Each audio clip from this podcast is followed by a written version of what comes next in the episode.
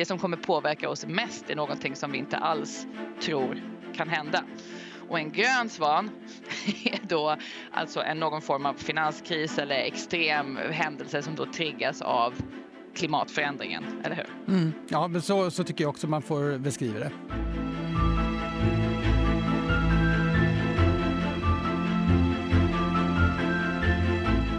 Detta är Molén och Marsall. Ja, på allmän begäran är vi tillbaka, Claes, eller hur? Jättekul, verkligen. Ja, vi trodde vi skulle slippa varandra och eh, kanske framförallt slippa de här tidiga morgnarna. Vi spelar in 05.30 på onsdagar. Ja, eller halv sju här, så det är lite sovmorgon. Ja, det är för att du sitter i en bekväm studio i Stockholm, Claes, medan jag sitter i en bokstavlig garderob hemma i min by i Storbritannien.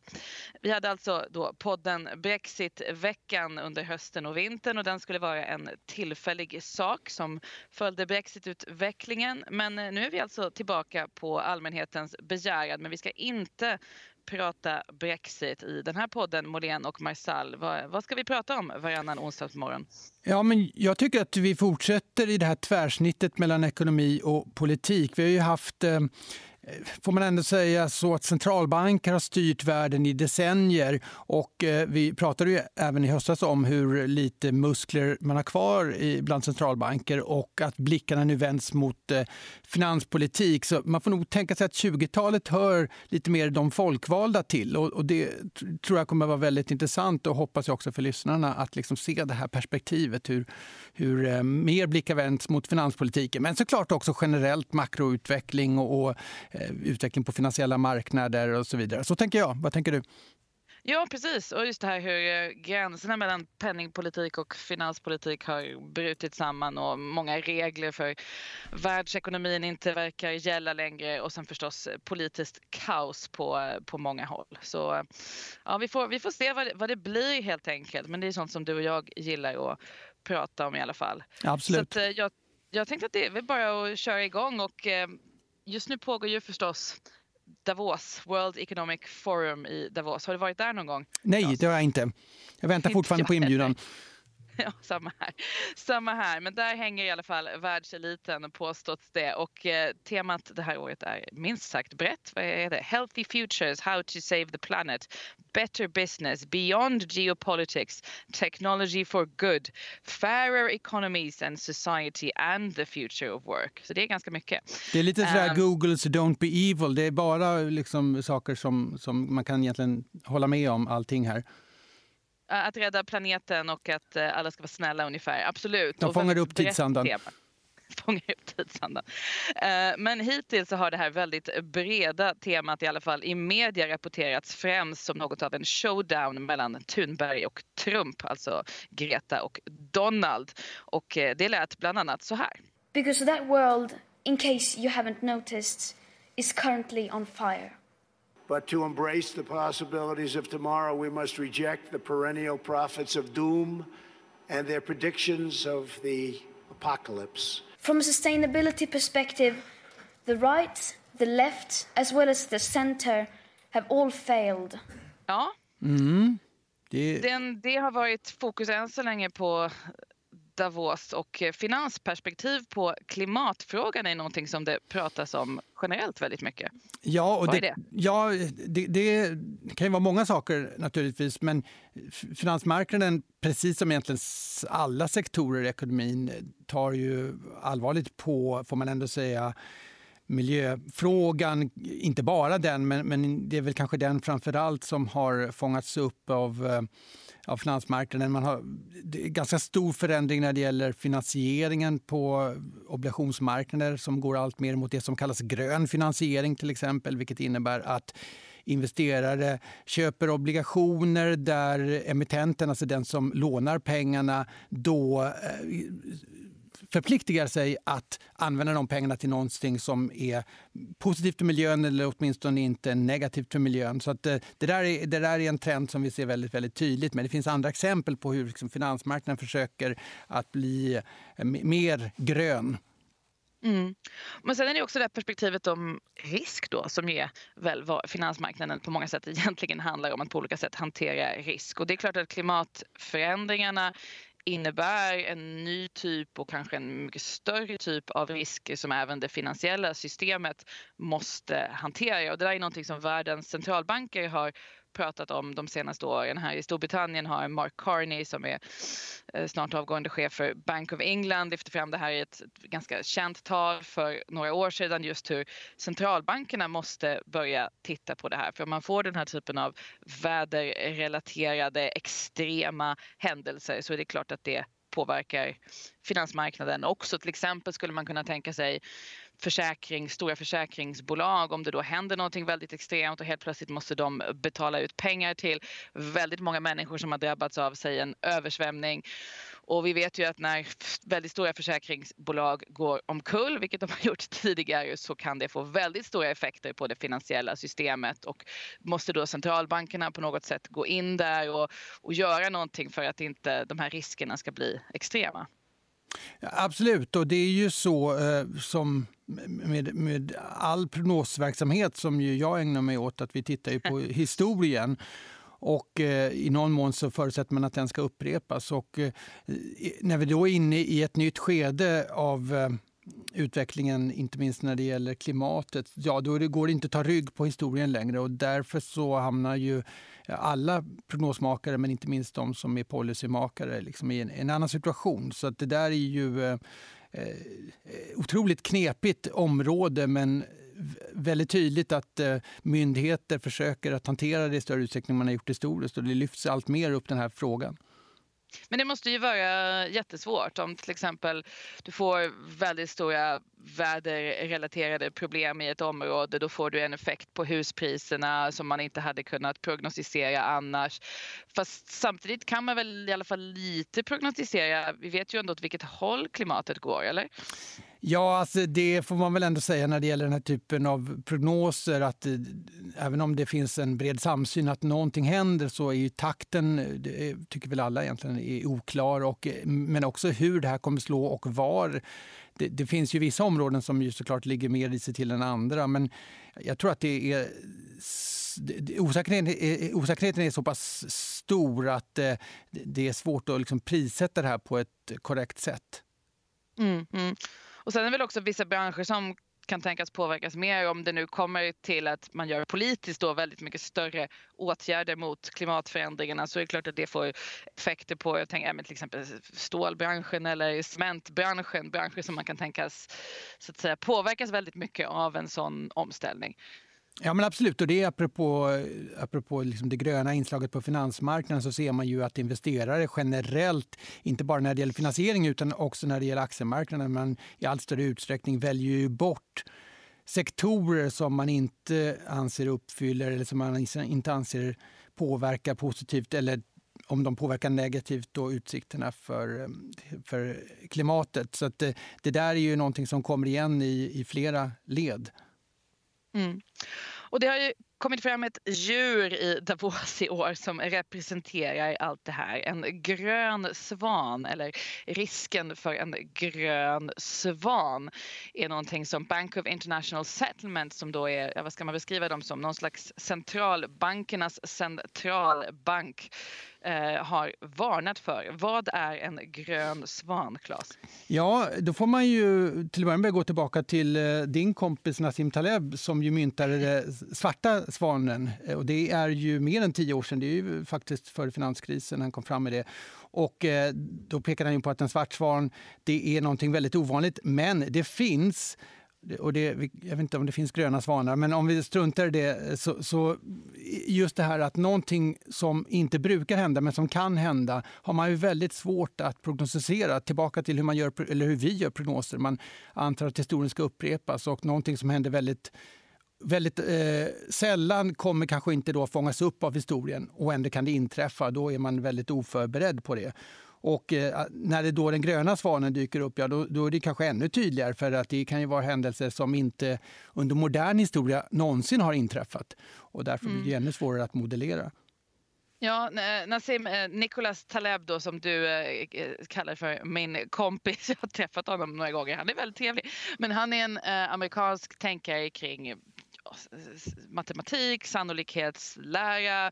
Han eh, vill absolut inte bli kallad ekonom men han är då väldigt känd för sina böcker, bland annat Anti-Fragile, Skin in the Game, The Black Swan, Den svarta svanen. Och teorin, precis som du säger, tidigare, innan man upptäckte svarta svanar, för de finns i Australien tror jag, så brukade de säga att det är lika sannolikt som en svart svan, vilket då betydde det kommer aldrig hända. Och sen förstås upptäckte man svarta svanar i Australien. Och då blev då det här begreppet så som Taleb använde det just ett begrepp för någonting som man inte tror kan hända men som ändå händer. Vi trodde inte det fanns svarta svanar men hopps, där var de i Australien. Och precis som du säger så en svart svan, finanskrisen 2008 analyserade han ju som en svart svan till exempel. Det var då han blev väldigt känd. Det var ju någonting som folk inte trodde skulle kunna hända men som ändå händer och när det händer får väldigt stora konsekvenser. Och implikationerna då för riskteori eller för hur man hanterar risker är då att man måste ta in det där i sina beräkningar. Att det som kommer påverka oss mest är någonting som vi inte alls tror kan hända. Och en grön svan är då alltså en, någon form av finanskris eller extrem händelse som då triggas av klimatförändringen, eller hur? Mm. Ja, men så, så tycker jag också man får beskriva det. Ja, och det är en fin, fin bild, den, den gröna svanen. Så det, det, är något nytt att oroa sig för, eller hur Claes? Ja, det kan man göra, men det är, det är ju samma sak där, att det inte är helt lätt att eh, prissätta. Och just avsaknaden av oro just nu i alla fall är ju rätt påtaglig i finansiella marknader. Ja, nej, det är väldig optimism där. Ska vi prata lite om det? För det är också någonting som diskuteras i Davos. Den allmänna, nu har vi gått in i 20-talet. Hur ser världsekonomin ut? Hur kan den tänkas utvecklas det närmsta året? Det är ju väldigt optimism på vissa ställen. Ja, det är det ju. Inte i Davos dock, för jag såg ett diagram som visar på hur eh, företagsledarna där, hur optimistiska eller pessimistiska de är. Och de är ju om jag minns den rätt, rekordpessimistiska. Men när jag betraktade den där grafen då kunde man notera att de är ju inte direkt eh, så framåtblickande. Och det är ju inte bara de som inte är det, utan när de är som mest pessimistiska så är det faktiskt ofta då det eh, ser lite bättre ut. Och det kan man faktiskt ana om vi tittar på, vi ska ju prata lite ekonomisk statistik i det här programmet också, att det var ju faktiskt som mörkast egentligen i höstas när vi var i full fart med Brexitveckan. Då såg också den ekonomiska statistiken som värst ut globalt om vi säger så. Nu har vi sett lite av de här krokarna, inte minst i den globala industrin, eh, som ju då eh, börsen får man säga ändå tror kommer att få ben. Alltså kommer, det kommer fortsätta bli bättre. Det kommer att eh, bli ännu Vad är en krok i det här sammanhanget? Mm, då får man liksom se framför sig, nu, nu är det här bara mm, ljud, men, men tänk dig liksom en, en eh, tidsserie då som först faller ganska kraftigt så som indikatorer för industriaktiviteten har gjort här under de senaste två åren. Sen så liksom börjar det vända uppåt här på slutet. Så får man en liten fiskkrok. Och i bäst... ja, liksom ner och sen upp? Ja, precis. Eh, så mer avancerat än så är det inte. Eh, och sen är det bara frågan då om det, om om det innebär en vändning. Som, där, där, alltså det här är ju cykliska grejer. Kommer det fortsätta upp? Eh, och eh, tittar vi på börsutvecklingen under det senaste året så har väl ingen missat att börsen har ju verkligen rusat eh, under 2019 men det har ju även fortsatt i år. Och det där är ju en av de vanligaste frågorna jag får Eh, i just liksom, vad, är, vad håller börsen på med? Förstår man inte att liksom, den här pessimismen som man ju liksom, i media såklart tar del av, men även företagen är ju inte jätteoptimistiska generellt. Då, då undrar man varför, varför håller börsen på så här? Och det, delvis handlar det just om att man tror att utvecklingen kommer att bli bättre, alltså rent makromässigt.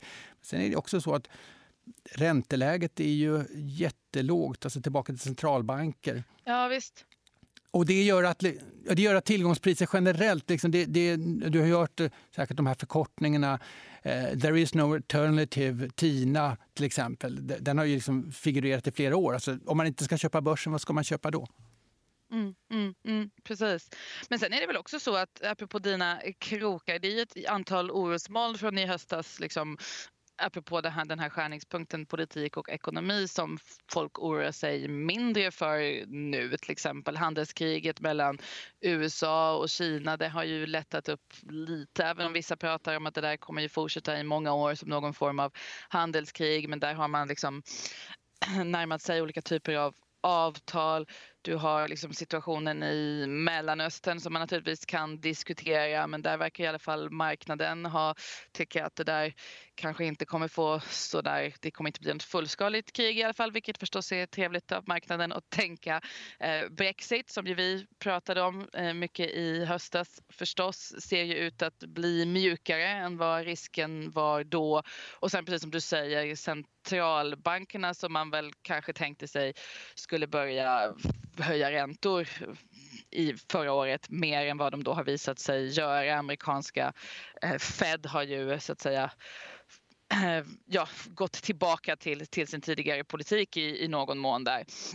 Ja, eh, och det gör också att, att börsen går upp, eller? Ja, absolut. Så du, du nämner ju alla de här faktorerna som, och inte minst geopolitik var ju ett eh, viktigt tema för inte bara finansiella marknader utan för global ekonomi också under förra året. Och det får man ändå säga att det fas 1-avtalet mellan USA och Kina, precis som du säger, det kanske inte löser den här konflikten på lång sikt, men det talar ändå för att den konflikten kommer nog inte komma tillbaka förrän efter presidentvalet. om ens då, så att säga, det, det vet vi inte. Men vi, vi, tror ju att det finns en fortfarande en ganska stor konfliktyta mellan USA och Kina där det i slutändan handlar om världsherravälde. Men för finansiella marknader så är det här avtalet eh, tillräckligt trovärdigt för att man inte ska eh, så att säga, oroa sig för det här på, på kort sikt åtminstone. Och eh, eh, även när det gäller Brexit, vi, vi har ju pratat om att det skulle kunna komma tillbaka mot slutet av året om man inte lyckas hitta ett, ett avtal, ett eh, handelsavtal mellan, mellan Storbritannien och EU. Men det är långt kvar till dess. Eh, och sen, som sagt, så har vi ju Alltså om vi går tillbaka till 2018 som ju var ett svagt börsår, då höll ju Fed fortfarande på att höja räntan och det har ju varit en helt annan penningpolitisk miljö under mm, 2019. Så att det är ju, mm. det är liksom ett antal faktorer som är mer kan man säga, fundamentala och som också har förbättrats ganska mycket. Mm, mm. Men eh, sen är det klart om man tror på svarta svanar så spelar det här ingen roll för att eh, nästa kris kommer komma från något håll som vi ändå inte tänker oss.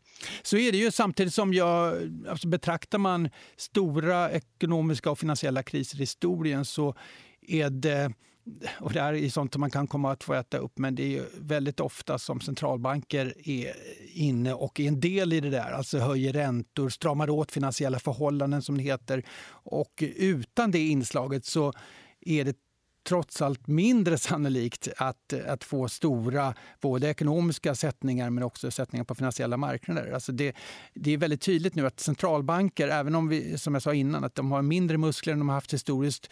Fed har ju fortfarande lite, de har ju en ränta på över 1,5 procent. Men eh, det är klart att det är inte särskilt mycket jämfört med hur mycket de har haft att kunna sänka historiska cykler. Men idag är centralbanker otroligt fokuserade på att minska de där nedsideriskerna och det såg vi förra året. Så fort det händer någonting som skakar till så är man beredd att sänka räntan och eh, räntehöjningar ligger fortfarande långt borta. Mm, mm. Ja, precis. Det är på centralbankerna det händer. Det är de som tar ansvar för konjunkturen. Uh, ni har släppt en ny konjunkturrapport. Ja, vi kommer ut med den idag. Och uh, mm. Här försöker vi hitta just uh, sannolikheten mellan att det ska bli bättre så som börsen tror, för det kan man säga att det ligger nu liksom inbakat i förväntningarna på börs, i börskurser och vi är väl lite mer försiktiga. Vi tror att eh, saker och ting behöver inte bli sämre av de här faktorerna som jag nyss nämnde. Men samtidigt så har vi inte riktigt skäl att tro, tycker vi, att det ska bli riktigt så bra som, som börsen kanske är inne på. Det, det handlar just om stimulanser. Vi har förvisso lite lägre räntor från Fed, men tittar vi på hur det såg ut till exempel 2016 när det blev betydligt bättre än förväntat i, i konjunkturen, i framförallt industrikonjunkturen, ja då var det ännu mer stimulanser från världen som helhet. Och nu har vi inte nämnt Kina här, men Kina är ju en väldigt viktig aktör för den globala eh, konjunkturen och inte minst industrisektorn där ju Kina mm. är liksom en, en, nyckelaktör. Och eh, där har man inte heller valt att stimulera riktigt på det sättet som man har gjort eh, i tidigare skeenden. Och, det är ju liksom en balansgång där att man inte vill, man vill inte öka på stimulanser för mycket för att det riskerar att leda till felinvesteringar och, och liksom bubblor i ekonomin och, och, och, det vill man inte ha. Man vill ha den här liksom lite mer mod, liksom moderna ska vi säga, ekonomin eller balanserade ekonomin. Så det är liksom en avvägning mellan kort och lång sikt. Ehm, men, men resultatet tror vi är att vi får, vi får liksom en botten någonstans här i år på, i konjunkturen och sen en viss förbättring. Men det, men det är fortfarande relativt svag tillväxt. Mm, mm, mm. Så ni är något, något mer pessimistiska än, än många andra just nu. Ja, alltså samtidigt som det, det, det, håller på att bli någon typ av samsyn tycker jag, eh, faktiskt, i alla fall bland prognosmakare, att vi är inne i någon typ av liksom halvljummen historia. För vi tror inte heller att, det, att vi har en recession i närtid eller liksom någon global riktigt stark avmattning. Utan det, det är snarare så att det här är, liksom, det är lite ljummet kan man väl säga, eller lite småsvalt kanske. Precis, småsvalt men vi kan inte veta om det är någon svart svan som flaxar vilt i utkanten av vårt synfält. Och så händer det något nästa vecka som jag nästan är lite kränkt över att du inte har nämnt än. Det ska vi se. Jag förmodar att det har med Storbritannien att göra. Är det, är det, är det Brexit nu igen? Ja, det inträffar ju. Alla har ju bara släppt det. Sen, sen dramatiken släppte i höstas så har alla släppt Brexit. Men här i Storbritannien så inträffar ju faktiskt Brexit den sista januari klockan 23.00. Då går vi ur EU. Så att då händer det. Pompa ståt pompa och ståt men samtidigt händer ju ingenting. För att, eh, och det är väl kanske därför som eh, varken marknaden eller någon annan riktigt bryr sig om det här. Att Storbritannien lämnar ju formellt EU men går in i 11 månader av handelsförhandlingar och den här så att säga övergångsperioden. Så att ingenting förändras i, i februari utan istället så måste man bara börja förhandla sina villkor. Ja, och det som vi, vi nämnde ju faktiskt tidigare lite grann att det kommer ju möjligtvis kunna bli lite mer dramatik under andra halvåret. Men du är inte säker på det heller kanske? Jag vet inte, vi får ju se. Det är, regeringen har ju, eh, säger att de absolut inte tänk, tänker flytta fram den här deadlinen utan det är då i slutet av detta år som Storbritannien även i praktiken ska lämna EU. Och då måste man ju ha någonting framförhandlat. Eh, och det pekar ju många på att det är svårt att få fram ett handelsavtal på eh, 10-11 månader. Det har aldrig hänt tidigare. Och att då risken för eh, en, så att säga, en hård brexit i slutet av detta år med allt vad det skulle kunna innebära för företag företag och finansiella marknader i högsta grad finns kvar. Men sen det här är ju politik och man skulle i ett sådant läge kunna tänka sig olika former av mindre avtal och att man går runt det här på, på det ena eller andra sättet. Så att eh, det är väl, risken finns ju kvar men den är väl, skulle jag nog ändå säga, mindre extrem än vad den var i höstas. Mm. Ja, det är ju helt ja. klart så att finansiella marknader har ju inte det här direkt på, högt upp på agendan just nu. Nej, precis. Men det kan också vara en svart eller grön eller jag vet inte. Grå eh, kanske? Vilken annan färg på svan som flaxar någonstans där. För just Brexit, ja det är ju en av många de här riskerna i gränslandet precis mellan ekonomi och politik som är en av de saker som vi kommer försöka följa varannan onsdag i den här podden. Och vi kanske ska uppmuntra folk att ni, ni får väldigt gärna höra av er med synpunkter och vad ni tycker att vi bör ta upp här i Molén och Marsal. Jag heter Katrin Marsal. Och jag heter Claes Molén.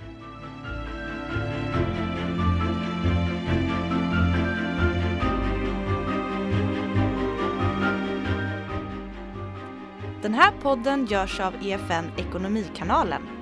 Ansvarig utgivare är Anna Fagerström. Gillar du vad du hör? Dela gärna podden med vänner och bekanta samt betygsätt den på iTunes.